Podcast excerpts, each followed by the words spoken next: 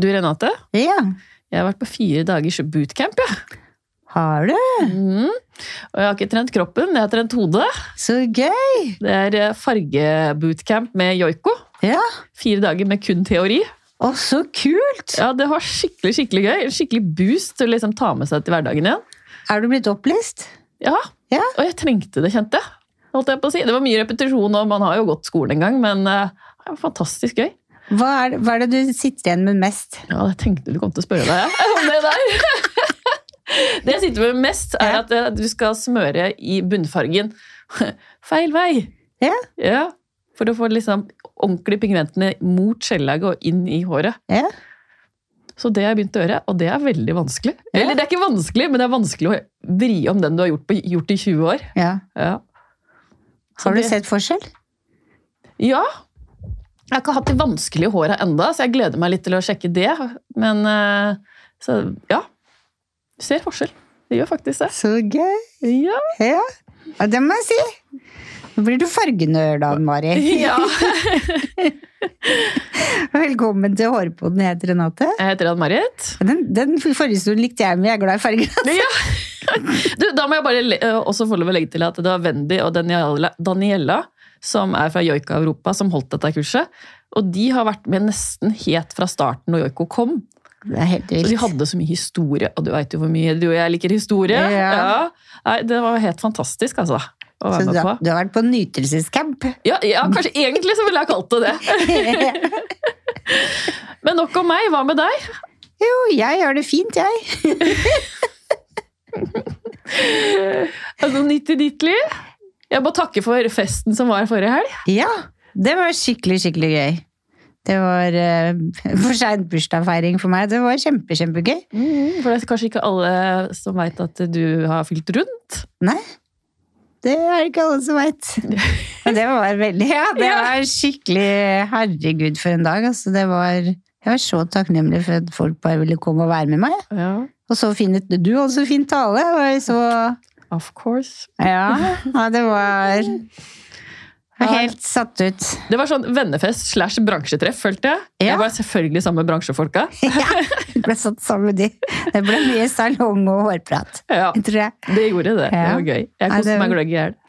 Ja, nei, det var eh, helt, helt, helt, helt nydelig. Ja, det fortjente du, Renate. Ja, jeg gjorde i grunnen det, og så følte jeg.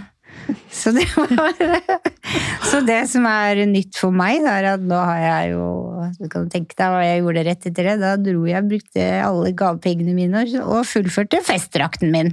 Er du ferdig? Ja. Nå har jeg fått med mye mer enn jeg trodde jeg skulle ha med, så nå mangler jeg bare prøven. Gøy. Jeg gleder meg, gleder meg til å se deg på 17. mai. Ja, til, og det har ikke så mye med festdrakta mi har ikke så mye med hår å gjøre, men jeg kjøpte faktisk et silkeskjerf for at jeg skal flette inn i håret. For ikke ha det i halsen, Så det er det håret, mest hårete som skjedde etter den festen. Bortsett fra det vanlige som er med hår, selvfølgelig. Ja.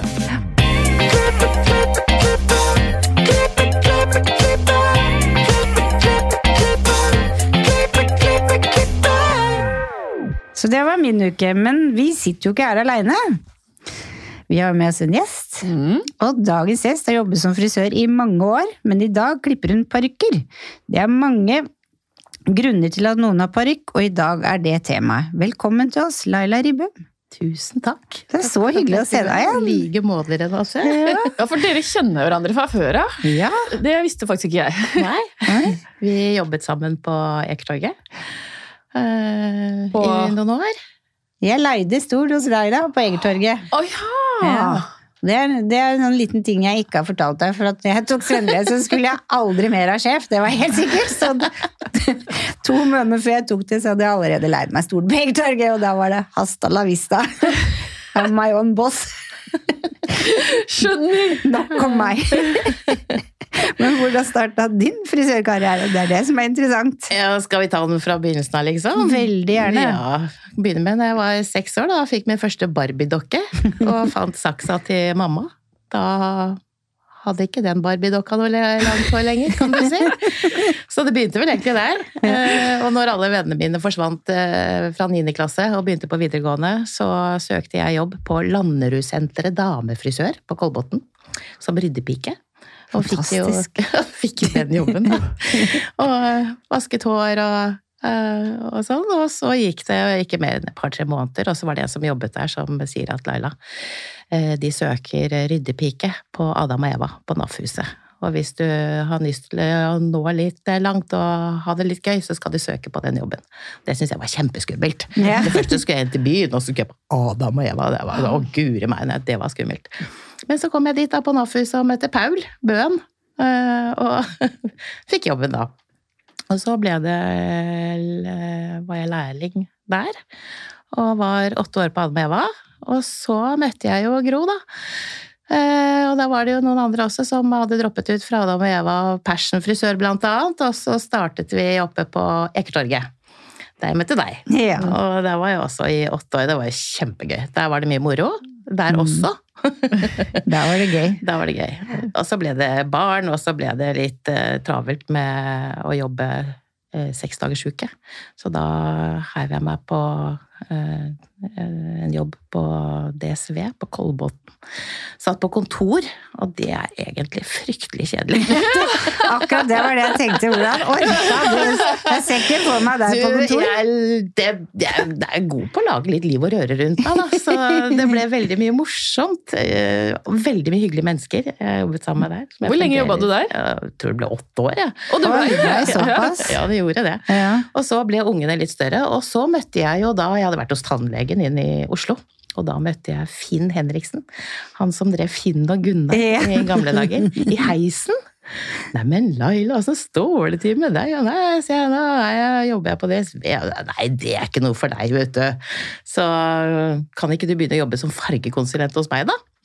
Jeg hadde jo brukt fargene hans eh, tidligere, eh, fordi jeg er veldig allergisk. Yeah. Eh, og han har jo litt sånn snillere hårfarger. Han var vel en av de første i Norge som tok inn litt sånn snille hårfarger. For så snakker vi om tidlig 90-tallet, liksom. Så da tenkte jeg at ja, det hørtes gøy ut. Og da fartet jeg Norge på kryss og tvers i seks år. Og, og var fargekonsulent og, og selger, da. Og det er eh, veldig gøy. Eh, å få sett masse, og opplevd masse forskjellige mennesker, og det har vært kjempehyggelig. Men eh, litt tøft, så jeg tenkte hva skal jeg bli når jeg blir stor? Og da begynte jeg å bli ganske stor allerede. Så jeg tenkte nei, lærer kanskje? Det hørtes gøy ut. Og så kasta jeg meg rundt, og så har heiv jeg meg på lærerstudiet. Yrkesfaglærer. Og langt ute i studiet så fant jeg ut at det å få jobb som yrkesfaglærer, det er ikke så lett. For det er ikke mange stillingene.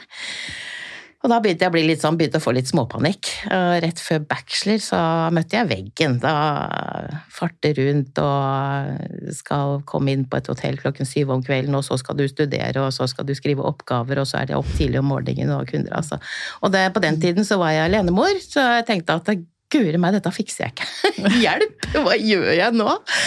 Og så eh, var jeg på Hovedøya og møtte da altså en klassevenninne som jeg ikke hadde sett siden jeg gikk på Sogn videregående skole.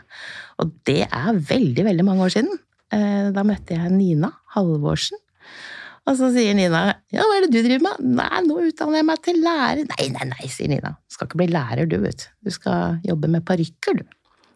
Da tenkte jeg hm. Det hørtes gøy ut, det. Så derfor eh, avtalte vi møte med, med Mona Alvad, som i dag driver eh, Jalvad parykker. Og vi traff hverandre jo da, og ble veldig dus. og så fikk jeg jobben hos Jalvad. Hmm. For en Så- historie! Ja, for en historie. Oh Det sier litt om hvordan man treffer folk tilfeldig. Ja. Deg med Gunnar.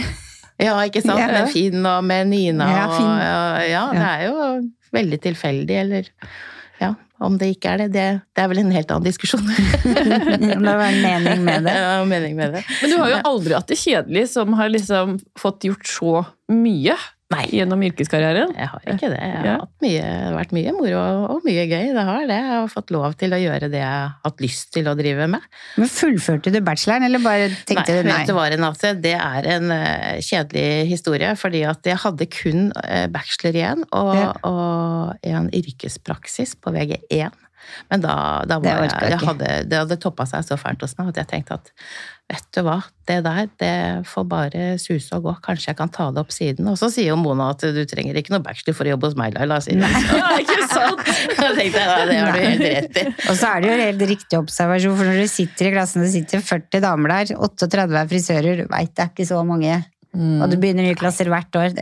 Alle får ikke de jobbene. Nei, de gjør ikke Så det. det er jo- Og jeg skulle ikke begynne på barneskole. Og jeg skulle heller i hvert fall ikke på ungdomsskole, for der hadde jeg praksis. Og så tenkte jeg her hører ikke jeg hjemme. Det får noen andre ta seg av. Men jeg er litt nysgjerrig. Har, Ja. har du funnet ut hva du vil bli når du blir stor? Ja, jeg trives fantastisk godt på Jalvad. Det må jeg si. Jeg har verdens beste jobb. Jeg står opp om morgenen og gleder meg til å gå på jobb. Eh, Og det er jeg veldig glad for. Ja, Eh. Fordi vi har så varierende hverdag. eh, Ikke sant? Det er kunder, og vi er jo distributører for, for fris andre frisører rundt omkring i landet. Og vi sender ut parykker til sykehus, og mye telefoner og henvendelser og ja. Det er veldig, veldig variert og veldig, veldig spennende. Men hva, hva er unikt med Jalvad? Eh, ja, eh, hva er det som ikke er unikt med fall. Ja. Nei, altså Mona har jo da drevet Alvad. Hun er 50 Altså Jalvad er 50 år i, i år, faktisk. Eh, så hun begynte jo der sammen eh, med sin mor, Vera Alvad. Eh, og navnet Alvad er det mange som lurer på, da, og det kan jeg fortelle at pappaen til Mona het Jarl. Og de heter jo Alvad, og derav navnet Jalvad. Mm. Og Alvad er jo fra Alvdal, så det er jo et heilnorsk navn. Så, så derfra kom det navnet, da. Og det har jeg faktisk lurt på hvor det navnet kommer Ja, fra. ja, det er mange som har lurt på det. Men, eh, men der kommer det fra.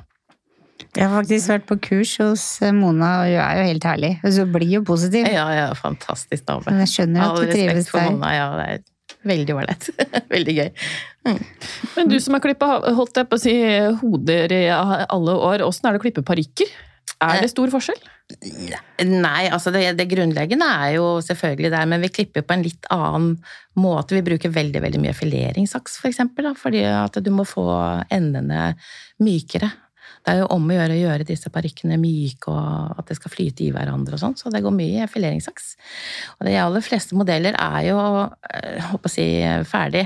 Vi finjusterer de sånn at det passer til ansiktet til kunden og, og sånn, så ja. Men må, altså, hvis jeg kommer inn og skal ha da, parykk, så har man har jo forskjellige tjukkelser på huet. Noen har store hoder, er lite hoder, er lange, smale. Absolutt. Du må jo prøve de til, Ja. men hvordan er man sikker på at man får den til å sitte? Det var mange spørsmål. Nei, nei. Du kan si um, altså hvis man kommer inn og har hår, hvis man f.eks. skal på cellegift, da, Mm. så anbefaler vi at kunden kommer inn uh, når de har hår. For da ser vi åssen kunden er og ser ut. Og da de aller, aller fleste, i hvert fall de som er i en sånn situasjon, de ønsker jo å se ut som de pleier å gjøre, ikke sant. Eh, ikke noen sånne store omveltninger, for det er så mye annet som skjer i livet dem, så at, eh, jeg tenker at eh, de, eh, ja, de vil se ut som de pleier å gjøre, da.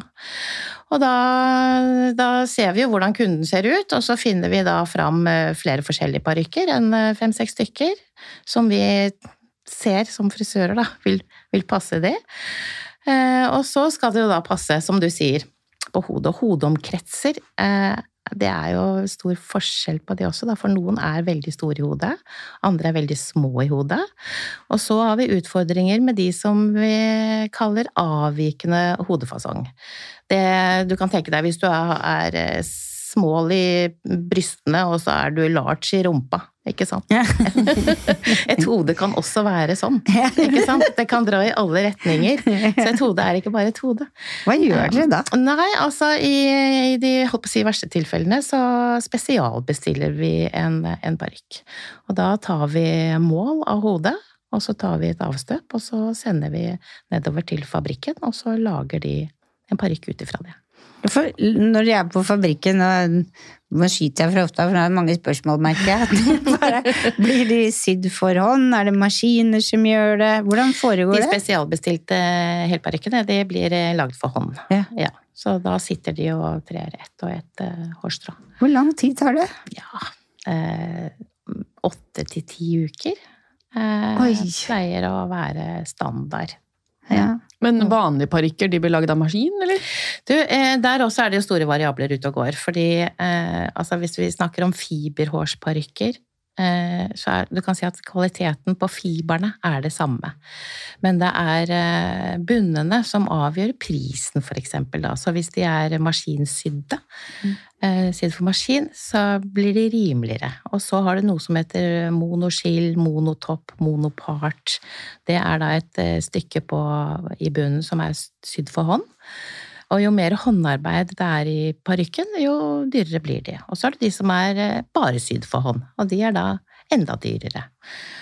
Så det er med fiberparykkere, og det samme skjer jo med ektehårsparykker. At vi har jo parykker som også er maskinsydde, og så har vi de som er sydd for hånd i større eller mindre grad. Mm. Sånn, du sa åtte til ti uker. Hvis jeg har en avvikende hodeform, og så tar jeg min første dose da, med Mm. cellegift, hvor lang tid tar det før jeg da mister håret? Det skal ikke jeg svare på, for jeg er ikke noen lege. Men veldig ofte så går, begynner det å dette av etter et par behandlinger. Så, Ja. så, så tar du tak i håret, og så kjenner du at ja. håret raser. En fryktelig ubehagelig opplevelse. Ja, Ikke noe gøy. Så det er jo mange som da velger å ta håret ganske fort. ja for å slippe Fordi det. slippe det der børsten som blir full av hår, da. Så Hvordan er det å jobbe? Det høres litt tungt ut, kan jeg si det? Ja, eh, du møter jo mennesker på en helt annen måte og en helt annen livssituasjon da, enn en fru Nilsen fra Frogner, liksom, så, som kanskje har sine dårlige dager òg. Men eh, ja, man møter de på en helt annen måte. Men eh, det må jeg også si at sykehusene er jo veldig flinke da, til å informere at eh, de skal miste håret. De er godt forberedt på den biten der. Mm. Eh, og det er også en annen eh, hyggelig ting da, eh, når de kommer til oss, og de får se hvordan parykkene ser ut. Eh, så går de ut av døra og liksom føler seg så fine. Mm. Veldig mange tenker jo på parykker som eh, en sånn skureklut som tante Ester hadde på Mm. hodet ikke sant, i gamle dager. Mm. Altså, sånn er det jo ikke lenger. Parykkene er jo så fine og så naturtro og så lekre at eh, de blir veldig positivt overrasket. Så det er klart at eh, hvis vi da hjelper de med å ta håret, så kan de jo fort gå fra tårer til en enorm glede mm. på én time. Mm. Det er ganske spesielt. Ja, det Men det er veldig godt også. Ja. Da føles det ikke naturlig. Det gjør fremdeles ikke det å barbere en, kvinne av håret, liksom. Det, det er en del av jobben som eh, Ja, det, Mm. det bare gjør man. Jeg syns jo fremdeles det er fryktelig ubehagelig. Ja, du jeg gjør det? si. Jeg kjenner på det, altså. Jeg Ja. gjør det. Mm. For det er jo kvinnens pryd. Det er jo håret, ikke sant. Så det er Ja. Men eh, man, vi gjør jo det, og så får de på seg parykken, og så kjenner de seg igjen i speilet. Ja. Det er veldig hyggelig. ja, det vil jeg tro. Ja. Jeg hadde med meg en kunde til dere faktisk i fjor, Mm, sommer. Mm. Og det, vet du hva, det, jeg var så sjokkert, for, for det første fikk hun en parykk som hun var Hun var så fin at hun, hun var nesten finere med parykken, altså, syns jeg da. Med den, hun var så fin klipp til alt. Men det var det når hun kom, og liksom nå kjenner jeg at jeg begynner å miste hår, så jeg vil du skal klippe meg kort, sa hun til meg. Og hun tok jo vasken, og idet du begynner å vaske og skylle, så blei det, ble det ikke noe hår til slutt. Altså, det var faktisk omtrent ikke noe klippe, og jeg var ikke forberedt på det. Og det håret, det, er, det kjennes sykt ut. Det fester seg liksom litt rundt fingrene og litt sånn Det er, det er, det er Ubehagelig. ubehagelig, ja. Det det. Men når det er sagt, da, så har jo hun, hun er jo frisk og har fått hår tilbake, og parykken har jo brukt masse, masse skritt av. Den har blitt prøvd til flere ganger og klippet til og sånn. Men det var ikke du som klippa den da? nei, da var den, og fikk justering selvfølgelig på Jalvad. Ja. Og så har jeg stussa innimellom, fordi at jeg har visst hvor jeg har jo klippet henne i 20 år, så veit hvordan hun liker hår- sveisen sin. Men nå, i dag, så vil jeg ha kort hår, så nå er hun kort og kul, og striper ikke lenger. Men um... Og det hun også skal vite, er jo at den rekvisisjonen hun får fra Nav, den gjelder jo faktisk i tre år. Mm. Sånn at uh, man kan komme tilbake på nyåret og så få en ny parykk. ikke sant? Mm. Du, det skal jeg, det visste ikke jeg. Det skal Nei, det jeg er mange som ikke vet om, men Ja. eh, sånn er det. Så det, i hvert fall hvis man skal ha litt lengde på håret, så tar det jo tid før håret vokser ut igjen, ikke sant. Så, og om man ikke bruker parykk hele tiden, så er det kanskje ja, skal ut og treffe kjentfolk som du ikke har sett på en stund, og så vet ikke de sykdomsforløpet ditt, og så tenker du at uff, jeg orker ikke å snakke om det nå. Så tar man på seg den parykken som, som man ser ut som meg selv, så får du ikke noe spørsmål heller, ikke sant. Mm. Det, det kan være ganske behagelig innimellom. Velger folk, velger folk ofte samme hår som de hadde fra før av, eller er det noen som tenker nei, nå har jeg lyst på noe helt annet, nå vil jeg ha så kort, svart bob? Eh, veldig sjeldent, eh, i hvert, fall, i hvert fall med kreftpasienter, da. Mm. Men eh, altså, vi, vi har jo ikke bare de. Vi har jo ja, alle slags typer mennesker, ikke sant. Og det er han, og det er hun, og det er hen, og det er eh, ja, folk som skal ut på byen. Mm. Og sier at vet du hva, i dag så har jeg sånn bad hair day, så just make me beautiful. og så setter man på en parykk, og så er de good to go, liksom. Ja, Så det er ikke bare kreftpasienter som kommer til Å dere? nei, så langt derifra. Så langt derifra. Nei, Å, ja. vi har jo eh, en stor kundegruppe med alopecia. Mm. Eh, Alopecia areata, det er jo flekkvis håravfall. Og da hender det at vi tilpasser en, en hårdel, da. Mm. Ikke sant? Eller at vi setter en, en hårdel oppå toppen, for det er ikke sikkert de trenger en hel parykk, ikke sant. Eh, Og så har vi de som har mistet alt håret. Eh, og Det er jo også en egen kundegruppe. Og så har vi mye transer, transvisitter. Det er veldig spennende, for eh, når det kommer inn en voksen kær i arbeidsantrekk og skal bli dame, det, det er ganske utfordrende. Men, Så kult! Ja, det er faktisk kjempegøy. Renate. Mm. Det er veldig morsomt. Ja. Altså, ja. Eh, så ja, det er en utfordring. Eh, men vi har jo noen sånne luringstriks, da. ikke sant? Vi har jo det, altså gjerne litt bølger og litt sånn mykere former gjør jo at man ser litt mer eh, feminin ut, da. Og noen eh, er i skapet fremdeles, og andre er veldig åpne om det. Så vi har jo hatt menn som har hatt med seg konene sine, da, ikke sant. Så gøy. Ja, skal fikse opp venninna si. Ja, så Ja. Kult. Veldig, veldig artig. Mm. Så, så det er også en kundegruppe. Og, og, og motsatt da, ikke sant. Menn som ønsker å bli damer. Det er ikke den største kundegruppa, men eh, vi har jo de også. Så har vi teater og operaen, og i går så var vi og så på Evig ung. Der hadde vi jo levert noen parykker. så veldig gøy Mm. å se hva disse parykkmakerne får gjort. Så der var det jo annet Mari Maurstad da, som hadde en skikkelig lang grå ettervekst, og så det der oransje håret som sto til alle kanter. Var det på opera? Eh, Nei, det var på Chat Noir. Ja. Veldig, veldig gøy. Så ja, det er veldig variert. Ja, det hører jeg. Og Det er alle ingen- som trenger en parykk, liksom. Det er, og det er mange av de. Ja, ja. Vi lånte jo parykker av de når vi styla til Keiino under Grand Prix. Ja, Ja, Ja, Stemmer det. Det var der vi var og ja, henta. det Ja, ja. stemmer det, Renate. ja, ikke sant? Ja. Så det var til noe helt annet prosjekt, Ja, ja. ja. Og TV-produksjoner og reklamefilmer har Mm. vi vært med på. Så det er, det er veldig variert arbeid. Det er det. Hvor mye koster en parykk? Artig spørsmål. det kommer helt an på om du skal ha en eh, fiberparykk eller en ekte hår. Eller så har vi også parykker som er blandingshår da, av ekte og varmeresistent. Så, og der igjen kommer det an på disse bunnene, da. Ikke sant? Så hvis du skal ha en fiberhårsparykk som er eh, rimelig, så er de maskinsydde. Og de ligger på alt fra 2500-3000. Og så har du da de som det er litt mer håndarbeid i, som koster mer. Eh, ligger på 5500-6000. Og så har du de som er helt håndknyttet, som ligger ja, mellom 6000 og 8000. Og så har du ektehårsparykker. Ikke sant? Der er det også, På fiberhårsparykker så er det ikke lengden som avgjør, der er det bunnene. Mens på ektehårsparykker så er det bunnene og hårlengden som avgjør pris, og også kvaliteten, da. Så der har vi jo priser fra 12 000 opp til 100 000. Oh, shit. Ja. Da kjører du Rolls-Royce. Vi er eh, eneleverandører av et merke som heter eh, Folea. Eh, Fantastiske parykker med europeisk hår, og de er kjempeflinke med farger og Men eksklusive, da. Veldig eksklusive parykker. Så dere har litt forskjellige leverandører? Det er ikke liksom én 'dette er der vi bestiller fra'? Nei, vi har mange forskjellige leverandører, for én leverandør greier ikke å dekke alle våre behov. Mm. Rett og slett. Så, så vi har mange forskjellige leverandører. Det har vi. Men hvordan vasker man en parykk?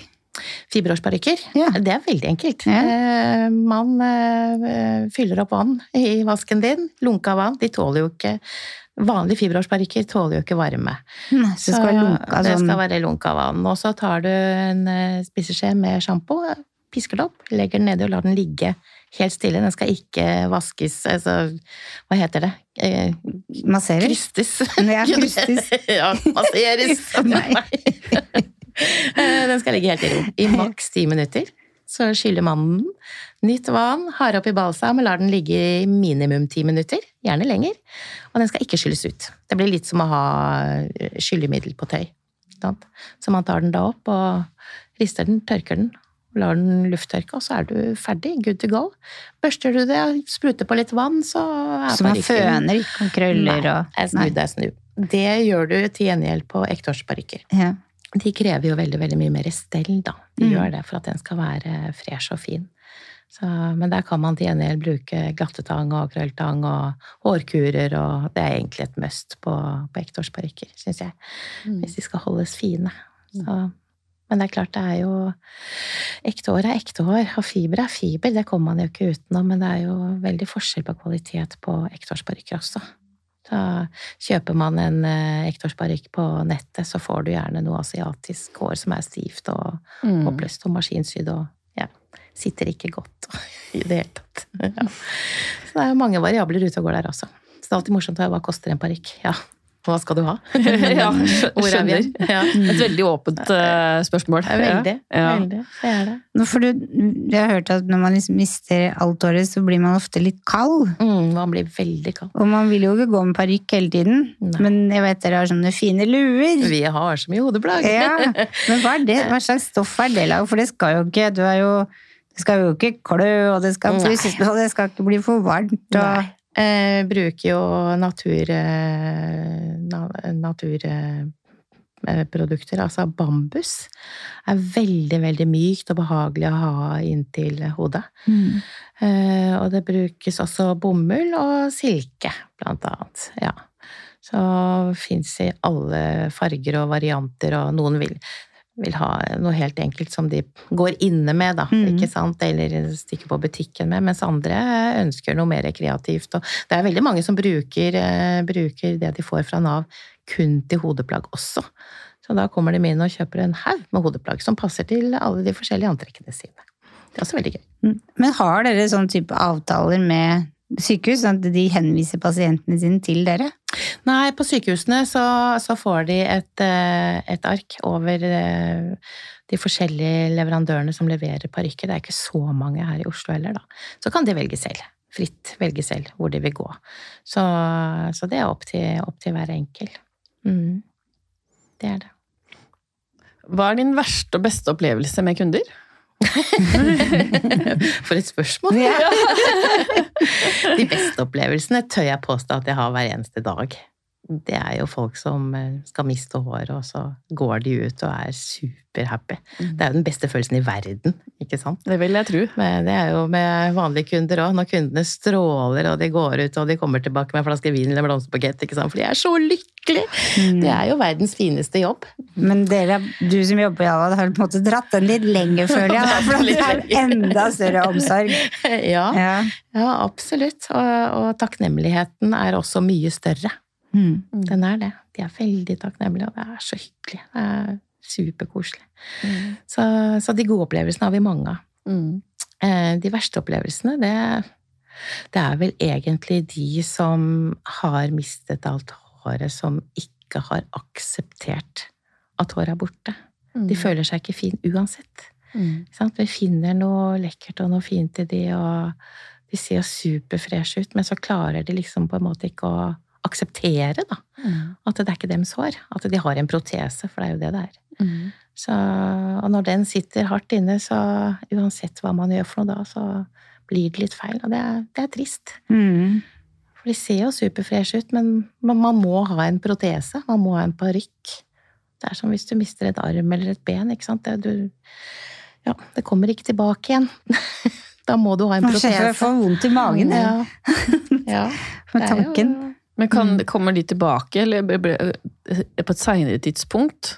Når de har akseptert det, opplever du det? Ja, altså, nå snakker Ja. jeg jo egentlig veldig løst, for dette gjelder jo øh, Altså, hvis du snakker om alopeci- alopecia totalis, ja, da. ja. Mm. Ikke sant? Hvor de mister alt håret med, med de som går på cellegift. Mm. Så får de jo håret tilbake. Det er en Mm. veldig fattig trøst akkurat der og da. Fordi du er ikke der. Mm. Så Men det, det kommer jo tilbake ja. Men Og det gjør- hvis man da liksom ikke får håret tilbake igjen, da. Ja. Man vet at det, ja, det er en eh, sånn blir det. Ja. Den sitter langt inne for noe, det kan jeg godt forstå. Ja, absolutt. For det er jo du- bryna og vippene og alt. Alt. Det er Ja, da alt. mener er jeg jo sånn, absolutt alt går. ja, Ja. det er jo Ja. Ja. Kan virkelig forstå det. Ja. Ja. Ja. Uff a meg. Da, nå ble jeg bare helt satt ut. Hvem er din frisørhelt?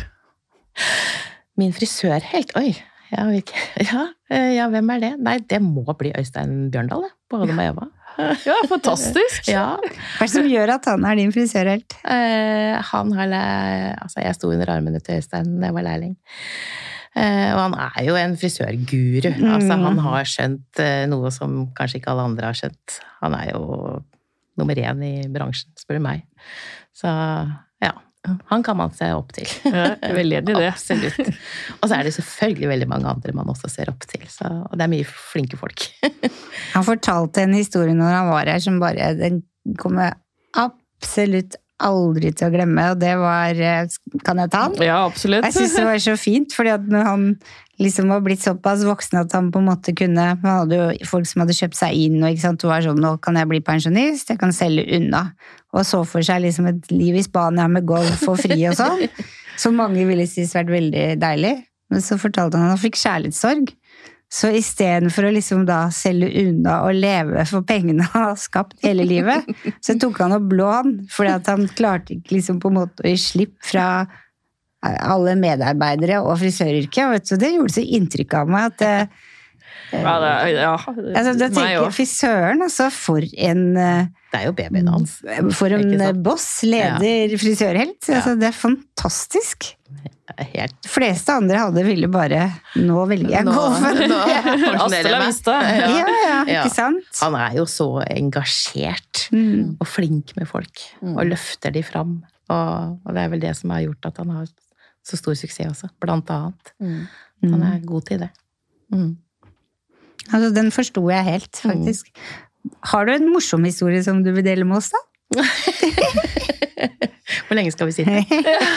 Jeg har noen fra Egertorget, men dem tror jeg Det har jeg jo, Renate. tror ikke jeg skal ta dem. Nei, nei, men jeg tenker altså Nå eh, jobber jeg jo hos Jalvad, eh, og jeg, det er jo en av grunnene til at jeg er her i dag. Så jeg tenker at eh, ja Jeg hadde en dame her for ikke altfor lenge siden. En voksen, godt voksen dame. Eh, og hun var i ferd med å miste håret, og veldig godt mot, og sier at nei, jeg ja, ser ut som jeg pleier, det er, det er veldig trygt og fint og sånt. Og så fant, jeg, fant vi parykk til henne, og var superhappy. Og så sier hun til meg at vet du hva, Laila, egentlig så har jeg alltid drømt om eh, sånn ravnsvart, langt hår. Så sier jeg selvfølgelig skal du få ravnsvart, langt hår. Så jeg går og henter en parykk og setter den på henne, så ser vi bare på hverandre, og så knekker vi jo sammen i latter. Altså, jeg tror nesten jeg tissa på meg. Hysterisk morsomt. Det var ikke gledelig. Så, så den drømmen, den, den Den brast. ganske fort. Men det var veldig morsomt, da. Vi fikk oss en god latter. Det var veldig gøy. Vi har ti kjappe spørsmål til deg. Og har du det også, ja? Er du klar for det? Ja, ja, ja. Kom igjen. Farge eller klipp? Klipp. Favorittprodukt? Uh, paste. Langt eller kort hår? Langt. Sjokolade eller chips? Uh, chips. HM eller Holsweiler? Jeg har nok kleshenger hjemme, så det må bli HM. Norge eller Syden? Norge. Naturlig farge eller crazy color? Naturlig farge. Eh, Øl, vin, boble eller drink? Ja takk. ja, fantastisk svar! Sasun eller Guy Tang? Sasun. Instagram eller TikTok? Instagram. Tusen, tusen takk til deg, Laila, for at du ville komme og dele din historie med oss, og ikke minst opplyse frisøren der ute om parykker og den delen. Så jeg tenker at det er veldig viktig at vi frisører faktisk kan noe om. Hvor Veldig skal vi henvise? Absolutt. Ja. Eh, og det er jo også sånn at vi sender ut til en god del frisørsalonger eh, i Norge som eh, også tar imot kunder, da. Mm. Som trenger parykker. Hvor vi sender prøvepakker, og de prøver på kundene sine, og så beholder de igjen, og så sender de tilbake. Så det er muligheter for veldig mange der ute også, eh, å tjene penger på parykker. Det er et stort behov, så der hjelper vi også til. Du gjør en fantastisk jobb. takk. Mm. Og følg gjerne oss på sosiale medier, Instagram, Facebook og TikTok. Og du kan høre episodene på iTunes og Spotify. Eh, Gi oss gjerne stjerne på iTunes, da blir vi veldig glad, for da kan vi vokse. Og så høres vi neste uke. Ha det bra!